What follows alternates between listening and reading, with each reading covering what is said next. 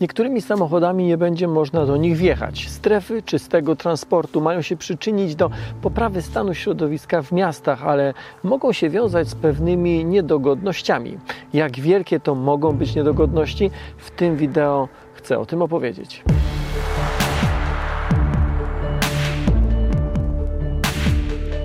Nie lubimy nowych przepisów, podatków czy ograniczeń, a nie trzeba długo szukać przykładów czy decyzji administracyjnych, które zamiast ułatwiać, utrudniają nam życie. Mamy coraz lepsze samochody w porównaniu choćby z tymi samochodami z lat 90. czy 2000. Samochody te emitują coraz mniej spalin, ale tych samochodów jest niestety coraz więcej, a ich spaliny szkodzą środowisku. Strefy czystego transportu to sposób na poprawę jakości powietrza w miastach, a co za tym idzie również droga do poprawy zdrowia mieszkańców tych miast. Technicznie wyznaczenie strefy wiąże się z ograniczeniem wjazdu do niej samochodów emitujących najwięcej zanieczyszczeń. W tej chwili w Europie funkcjonuje ponad 300 stref czystego transportu. Rozwiązanie to przyjęło się i z powodzeniem funkcjonuje głównie we Włoszech i w Niemczech.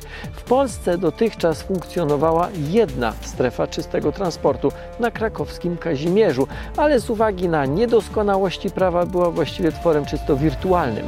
Lista wyjątków w ograniczeniach wjazdu do tej strefy była tak duża, a interpretacja przepisów tak ogólna, że właściwie każdy samochód mógł do niej wjechać. Wystarczyło na przykład, że kierowca miał paragon z jednego ze sklepów w strefie i zgłosił, że wjeżdża na przykład w celu złożenia reklamacji. Teraz po pewnych zmianach legislacyjnych, które weszły w życie pod koniec zeszłego roku, formalnie jesteśmy bardziej przygotowani na wprowadzenie stref czystego transportu. Ustawa o elektromobilności i paliwach alternatywnych dopuszcza wprowadzenie stref, ale realizację ich pozostawia w gestii samorządów. Przepisy mówią, że strefę może w zasadzie wprowadzić każda gmina, ale to w dużych miastach sprawa jest najbardziej pilna, dlatego na miastach ja się tutaj w tym materiale koncentruję. A jest pilna w miastach szczególnie dlatego, że w miastach zagęszczenie ruchu jest największe, a więc problem związany z mm, jakością powietrza też tam jest najbardziej palący. A więc po kolei, jakie argumenty pojawiają się w dyskusjach przeciwko strefom? Na przykład kwestia prawa własności. Założenia benzyna i ropa jako paliwa nie są zakazane, tak samo jak nie jest zakazane posiadanie samochodów wykorzystujących te paliwa. Ktoś może więc podnieść argument, że strefy uniemożliwiają nam pełne korzystanie z naszej własności. Zwróćcie jednak uwagę, że mamy szereg przepisów działających na podobnej zasadzie.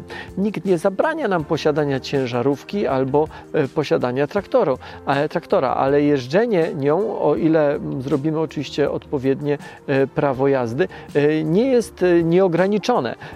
Nie znaczy, że wszędzie możemy taką ciężarówką wjechać. Podobnie jest na przykład ze skuterem z silnikiem o niskiej pojemności. Nikt nie zabrania nam go używać, ale na autostradę nim nie wjedziemy. Nie jest też prawdą, że strefy czystego transportu są strefami tylko dla samochodów elektrycznych i rowerów. Strefy nie sparaliżują też działalności słup, służb miejskich, ponieważ te będą objęte wyjątkami. Wjazdy do stref wyznaczonych przede wszystkim w ścisłych centrach miast będą oznaczone odpowiednimi znakami, podobnie jak strefy płatnego parkowania. A samo sprawdzenie, czy nasz samochód może przebywać w strefie, będzie się odbywać na zasadzie wyrywkowych kontroli, które zresztą będą się odbywały przez zastosowanie kamer odczytujących tablice rejestracyjne samochodów. Warto również dodać, że w praktyce nie tak wiele samochodów będzie objętych ograniczeniem wjazdu.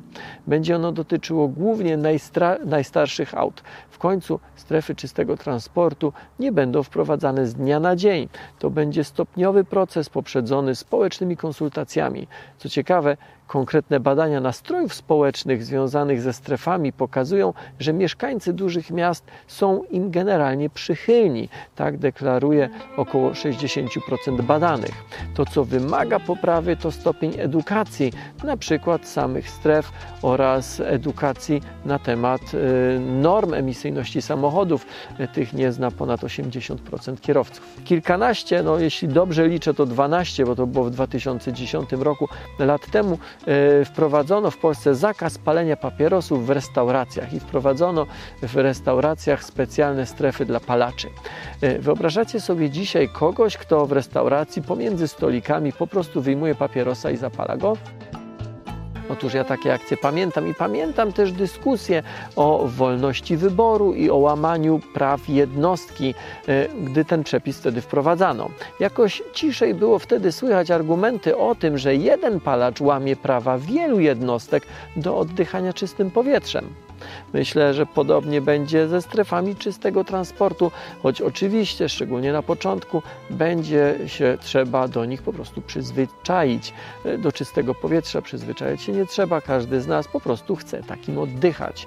Jednym ze sposobów na oczyszczenie powietrza w mieście, szczególnie w centrach miast, jest niewpuszczanie do nich samochodów, które nie spełniają odpowiednich norm. I w największym skrócie o to właśnie wchodzi w tworzeniu stref czystego transportu. Nauka to lubię, nie tylko na Facebooku i YouTube. Zachęcam Was do odwiedzenia mojej strony naukatolubie.pl. Materiał powstał we współpracy z Clear Air Found.